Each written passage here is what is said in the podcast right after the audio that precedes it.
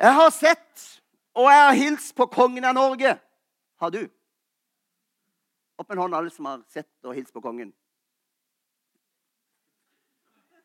Hør, det var ikke så veldig personlig. Du kommer ikke til å bli veldig imponert, for det var sammen med tusener av andre. Nå kan du begynne å gjette hvor det var. Jeg har nemlig som barn vinka til kongen på 17. mai, der han sto på balkongen. Og han vinka tilbake til meg. Han gjorde det. Og alle de andre tusener. Det var kong Olav den gangen. Plutselig var det ikke så veldig imponerende. Jeg tror jo ikke at jeg kunne sagt, om jeg hadde møtt kongen eh, igjen nå Så tror jeg ikke jeg kunne sagt Ja, men kjenner du meg ikke igjen? Jeg har jo vinka til deg! Du vinka jo tilbake! Ja, ja, kong Olav er død. Det er helt riktig. Men hvis han ikke var død, da, så, så kunne jeg altså ikke gjort det. Jeg sitter sikkert i himmelen, vet du. Jeg hilste faktisk på han daglig i militæret òg. Og på heimevernsøvelsen for noen år siden så hilste jeg på han daglig. Hver gang jeg skulle spise og komme inn i messa, så måtte vi av med lua, oppi rett, sånn, og hilse til kong Harald. Ikke Olav. Til kong Harald, som ikke sto der og venta på oss til hvert måltid, men han hang på veggen. Og Du ler kanskje av det, men det har man gjort i Forsvaret i alle år. Og det gjør de fremdeles. Og det er jo fint. Det er noe med respekten. Det var heller ikke så veldig nært. Det var ikke veldig personlig. Det var ikke noe imponerende kanskje heller. Kanskje litt mer imponerende at jeg faktisk gjorde det. Jeg gjorde det når jeg kom på det.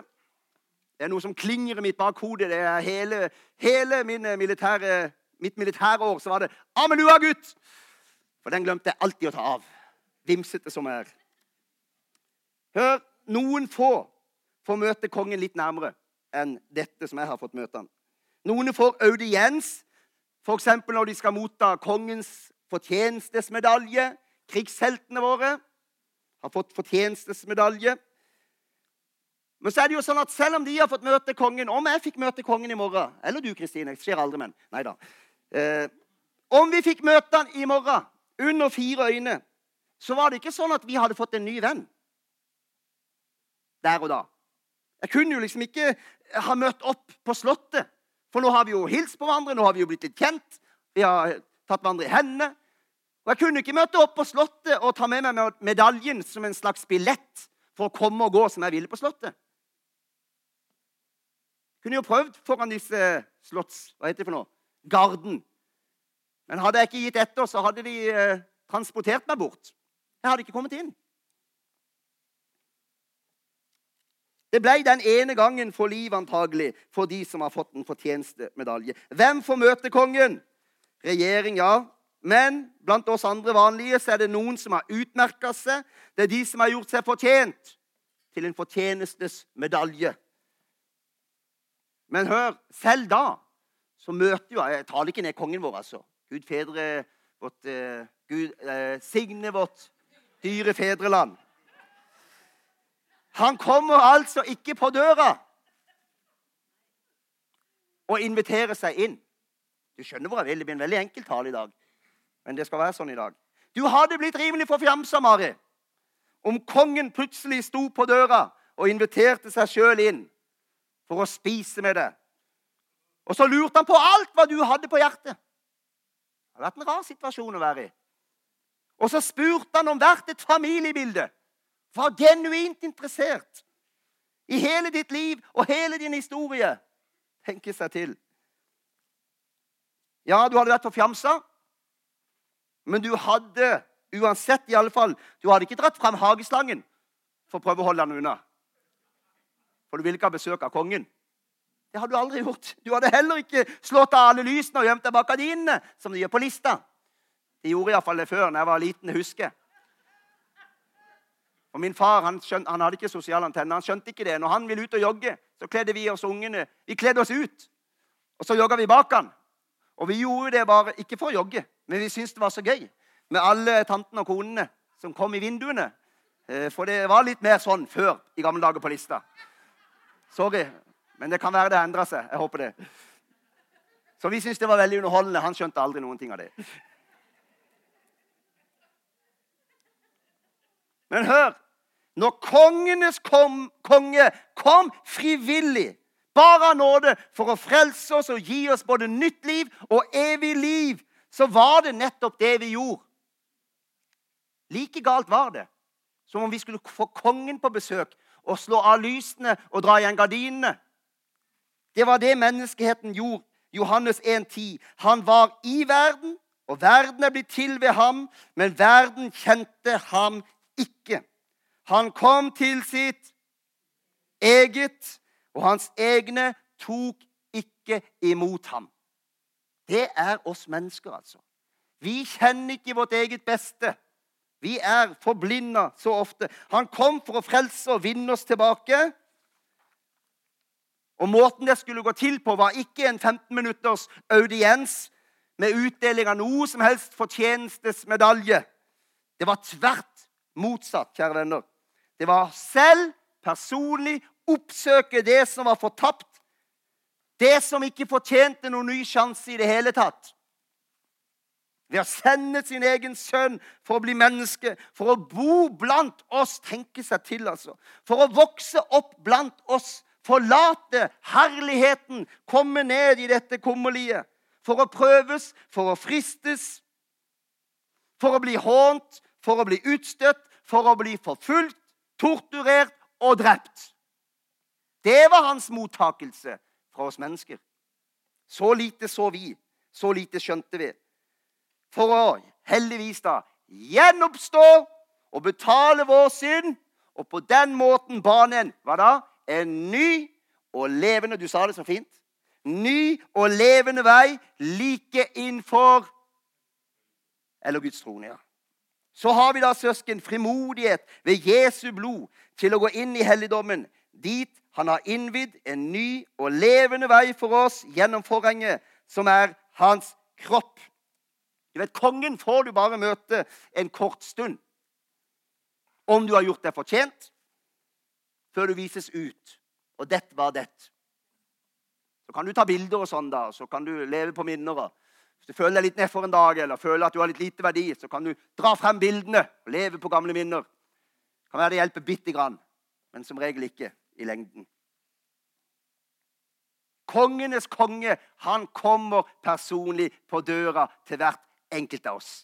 Tenke seg til. Se, jeg står for døren og banker. Han kom for å invitere hver og en av oss personlig, alle sammen, hjem til fars tronsal. Men alle dem som tok imot ham, dem gav han rett til å bli Guds barn, De som tror på hans navn. Han ga dem rett til. Og det, det er jeg glad for. For hvis ikke jeg var blitt gitt rett til nettopp det, å komme til han, så var jeg sjanseløs. Hva i verden har jeg å stille opp med innenfor Gud? Ingen verdens ting. Men han ga meg rett. Ufortjent av bare nåde. Min søster, eh, tvillingsøster Jeg har en tvillingsøster. Visste du det? Nei, nå vet dere det. Hun hadde en kjæreste eh, i ungdomstida. Jeg håper ikke han hører på nå. Og så var det nærme jul. De hadde ikke vært kjærester så lenge. Og så var hun veldig spent. Hva får jeg i julegave av min nye kjæreste? Og så var det lille julaften, og dere har lest ukesmailen. Vi kunne ikke la være å kjenne på gavene. vet du. Det gjorde dere òg. Og pappa satt i godstolen og sa 'Ikke plukk på gavene'. Det var ikke lov. Det skulle være en overraskelse. Men hun klarte ikke la være, og hun fant en gave og jeg tror til og med hun plukka seg opp på den at den åpna seg litt. Og inni der kunne hun se at det, skimt, det glimsa litt av noe gull eller sølv. Så hun tenkte å, så romantisk. Smykke eller kjede eller noe sånt. Så kom julaften, hun var spent. Og hun hadde jo kjøpt en flott gave. Jeg kan ikke huske hva det var, men hun hadde jo kjøpt en gave med brukt tid og penger av sine ukepenger antagelig, og lagt masse kjærlighet ned i denne første gaven til hennes første kjæreste. Og så kommer gavene rundt. Og ikke er det samme innpakningspapiret, og det er en helt annen fasong. Og så åpner hun den, og så er det et krus. Og that's it. Det var alt. I tillegg sto det 'trusekruse' på det. Det skulle være morsomt. Det var, det var, noen truser med vinger. Jeg vet ikke hva det skulle bety. Men det var en tullete gave, og hun ble skuffa. Hun ble skuffa. Hør, jeg har aldri spurt denne kjæresten hva han følte når det gikk opp for han, når han fikk en ordentlig gave. Og det gikk opp for han at han hadde jo bare gitt en tullegave. Som ikke hadde kosta han verken penger eller, eller noen ting. Hør, vi liker ikke å få voldsomme gaver når vi sjøl har gitt noe billigere eller enklere tilbake. Jeg tror alle her har kjent på den følelsen av å gi noe som du har regna deg fram til at ja, men det burde holde. Det er, sånn er det i vår familie. Du har jo liksom, De får mest, og de får Så blir det mindre og mindre jo lenger ut du kommer. Og så plutselig så får du et kjempegave fra noen du ikke forventa, og så har du kjøpt noe billigere. Det liker vi ikke. For de ligger så i oss mennesker. Vi vil jo gjengjelde. Det må være likt. Det må være balanse i systemene. Hør. Frelsesgaven er akkurat en slik gave. Den kan du aldri klare noen gang å gjøre jevnbyrdig på noen som helst måte. Og jeg sier det høyt og tydelig, du kan bare gi det opp. For det går ikke. Det kan være det fins noen sånne prominente folk i verden, eller i Norge, da, som venter og kanskje har venta et helt liv på at de skulle komme framfor kongen og få audiens og få fortjenestesmedalje for vel utført tjeneste innen et eller annet i deres egne øyne. Og så er dagen uteblitt, og de venter på dagen, for de føler virkelig når han fikk, så burde vel jeg få. Men hør, det her er en håpløs vei for oss mennesker i forhold til å motta frelsesgaven. Jesus løfter fram den virkeligheten så bra, og vår posisjon i Lukas 6, 20, han sier, 'Salige er dere fattige, for Guds rike er deres. Salige er dere som nå hungrer, for dere skal mettes. Det er egentlig sånne rare vers som vi syns er litt rare av og til. For er det så salig, da? Ja, det er salig fordi den som ser korsgaven, nådegaven Kristus, den som ser seg sjøl som fattig og som fortapt uten Han. For Han åpenbares korset. For Han åpenbares evangeliet, så det blir til frelse og redning. Men for det mennesket som ikke ser seg sjøl og kommer til det punktet at man ser seg sjøl i den riktige posisjonen innenfor Gud, så er det vanskeligere å ydmyke seg og velge rett. Gud står de stolt imot, står det. Dere ble kjøpt for en høy pris, sier Paulus. Hva ble vi kjøpt med? Tenk, vi ble kjøpt med Jesu liv. Hvordan eller med hva kan du gjensvare for en gave betalt med total oppofrelse, med tortur og død? En frivillig død. Du har ikke mye å stille opp med. Du har ingenting å stille opp med mot det. Vet du hva? Alt du har å komme med Nå er jo vi frelst, de fleste av oss antagelig. Men alt mennesket har å komme med innenfor Gud før de er frelst, vet hva det er? Det er et åndelig dødt og forderva liv. Det var triste saker. Men det er sant. Det er et åndelig dødt og forderva liv. Efeserne 2. Også dere har han gjort levende, dere som var døde ved deres overtredelser og synder. Dere som var døde. Noe som er dødt og forderva, er ikke noe særlig å pakke inn. Om du pakker det inn aldri så pent. For å få det til å se litt bedre ut. Det er som å prøve å sminke et villsvin. Det står noe det om gullring og, og, og, og svin òg. Men det er som å prøve å sminke et villsvin. Pent blir det jo aldri. Uansett hvor mange, hvor mange, lag du legger. Pent blir det aldri. Hør! I audiens med kong Harald så ville du ha kledd deg opp i dine vakreste klær. Du ville stelt deg etter alle kunstens regler. Du hadde satt av hele dagen bare i forberedelser for å stryke tøy og for å barbere deg og vaske håret ditt én og to og fem ganger. Ja, du hadde det, Sigbjørn.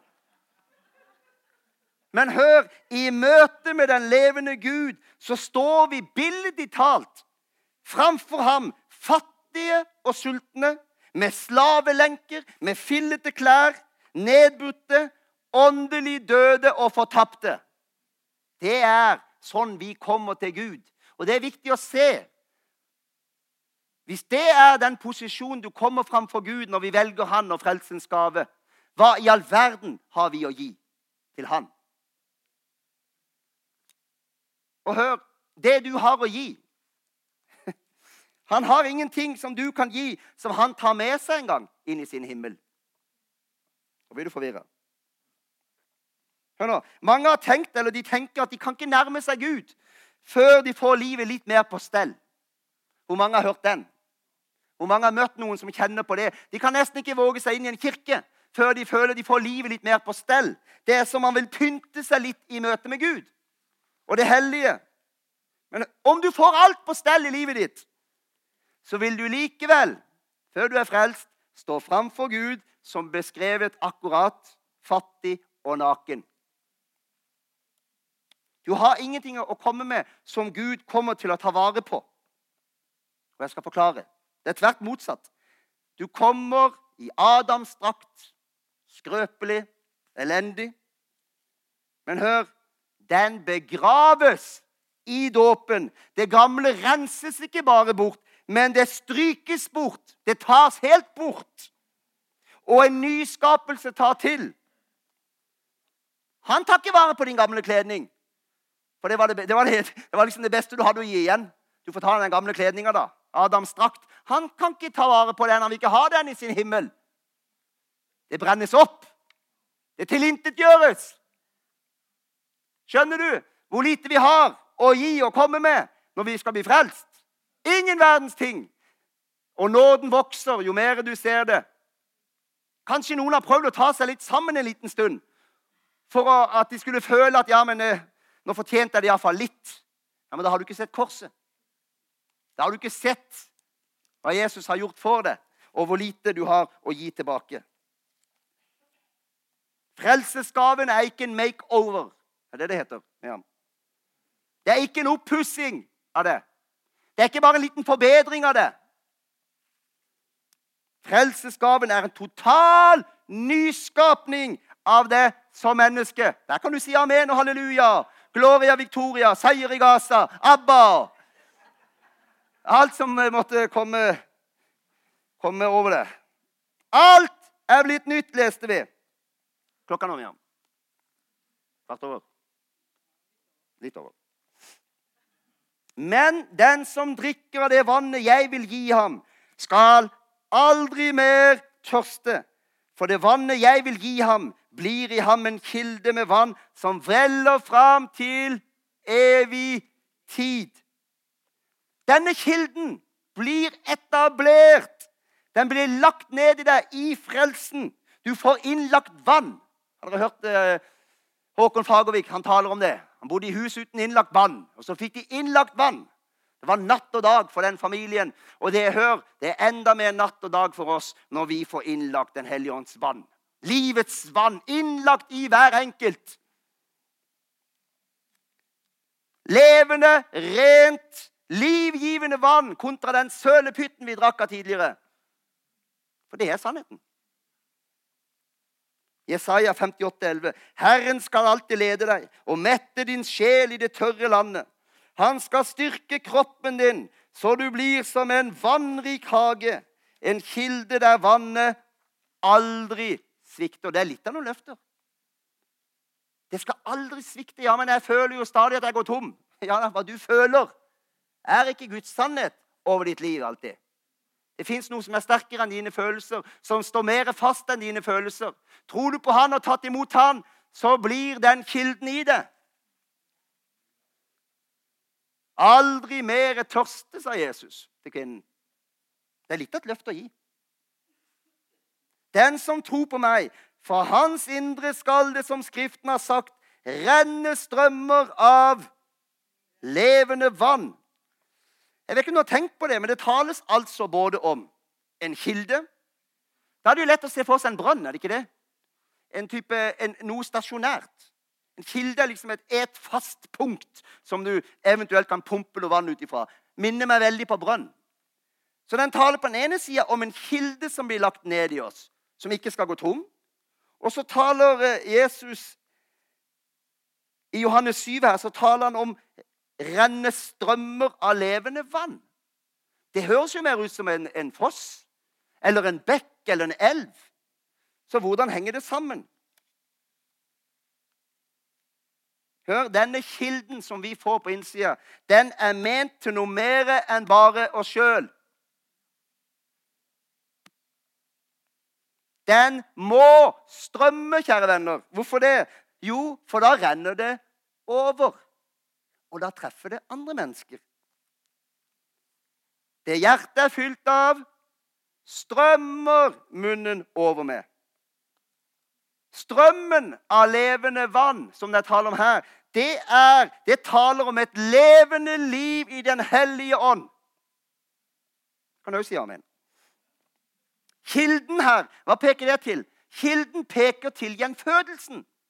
Du blir gjenfødt, det blir lagt en kilde av det levende vann i deg.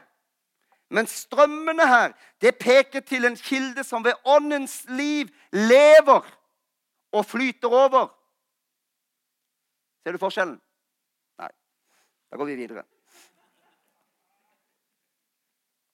Er det lettere med velduft? Skal vi ta den istedenfor? 2. Korinterne 2,15. For vi er som en Kristi vellukt for Gud blant dem som blir frelst, og blant den som går fortapt. Den vellukta den blir dårlig for ufrelste, kan vi lese seinere. Det lukter død. Jeg skal ikke tale om det, da. Det kunne jeg gjort. En duft den skjuler du ikke så lett.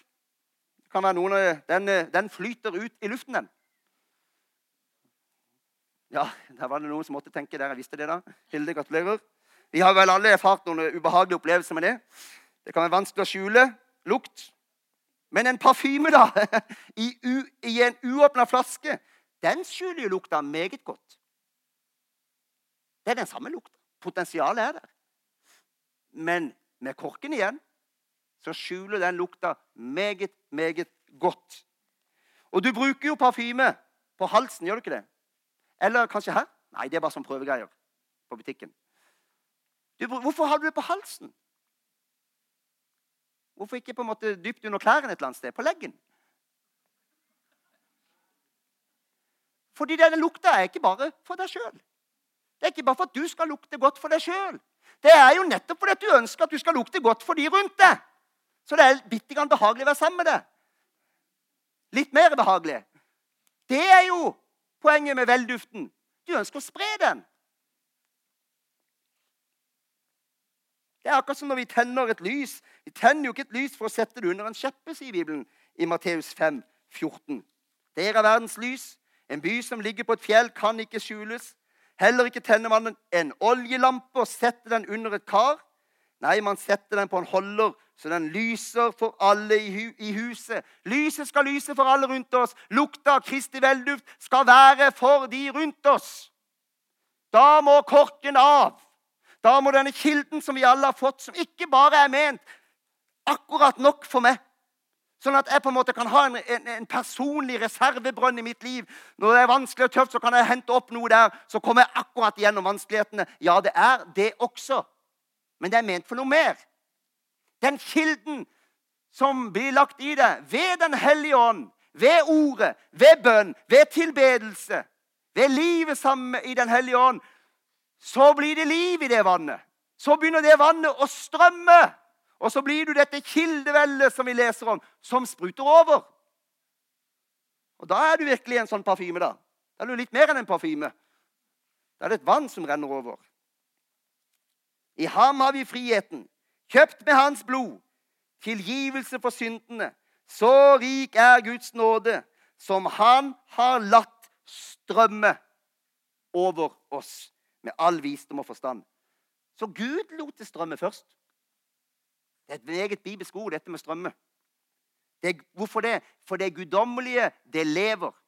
Det står at Den hellige ånd fløt over vannene. Altså, det guddommelige er i bevegelse. Det er noe som lever.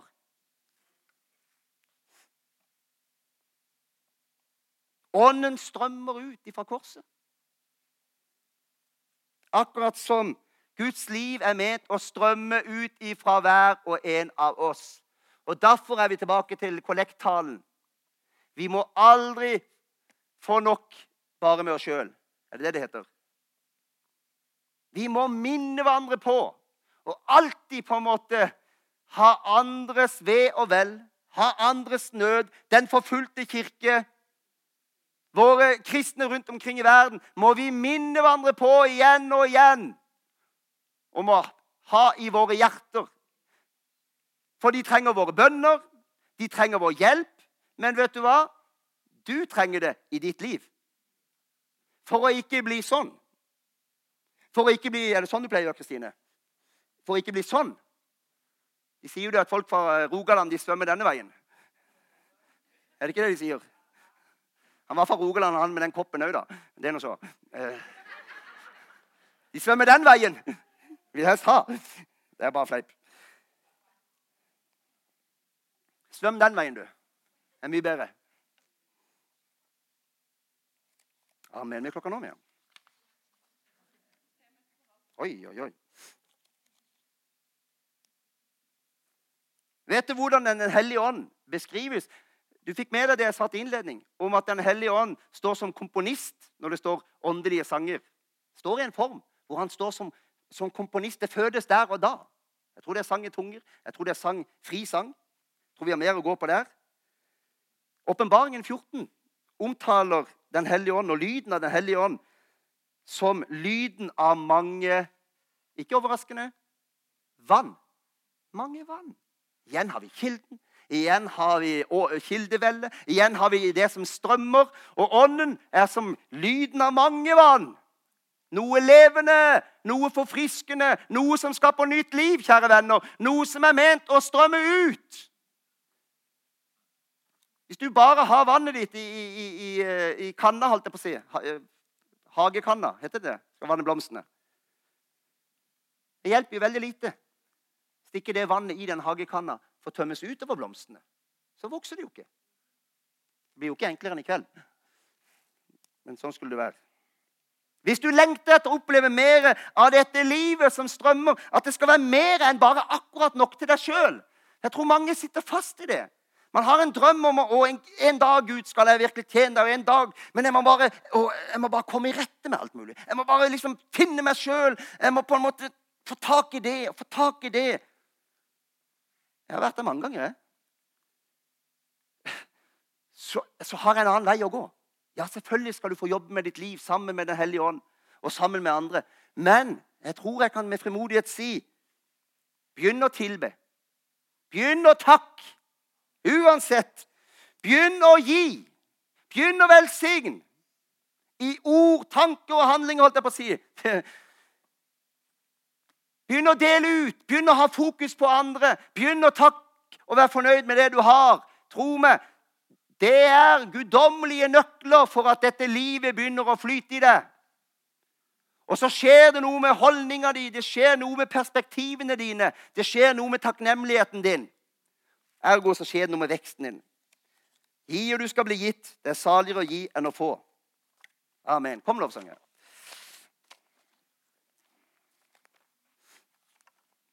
Vi var vel litt innom jula, var vi ikke det, Kristine? Snakka litt om gaver. Og julegaver.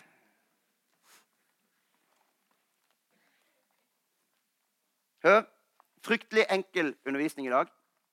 Kjente det skulle være sånn men allikevel vesentlig og viktig og forfriskende. Så skal vi som menighet hjelpe hverandre til å øse opp dette vannet som vi alle har, denne kilden som vi alle har. Og uten tvil så er det noen som har litt mer lokk på den kilden enn andre. Det tror jeg. Det kommer liksom ting i veien. Kilden kommer ikke helt ut fordi det, det, det, det, er for mange ting i livet. Det er for mange sånne propper som tar altfor mye oppmerksomhet. Det er altfor mange propper, det er altfor mange problemer man skal løse først. Og en dag så skal jeg kanskje la det strømme fritt. Hør! Snu det på hodet. Snu det på hodet, holdt jeg på å si, bokstavelig talt. Da renner det jo godt. så tar det, så tar det med seg mye av det andre. Fordi perspektivene dine snus.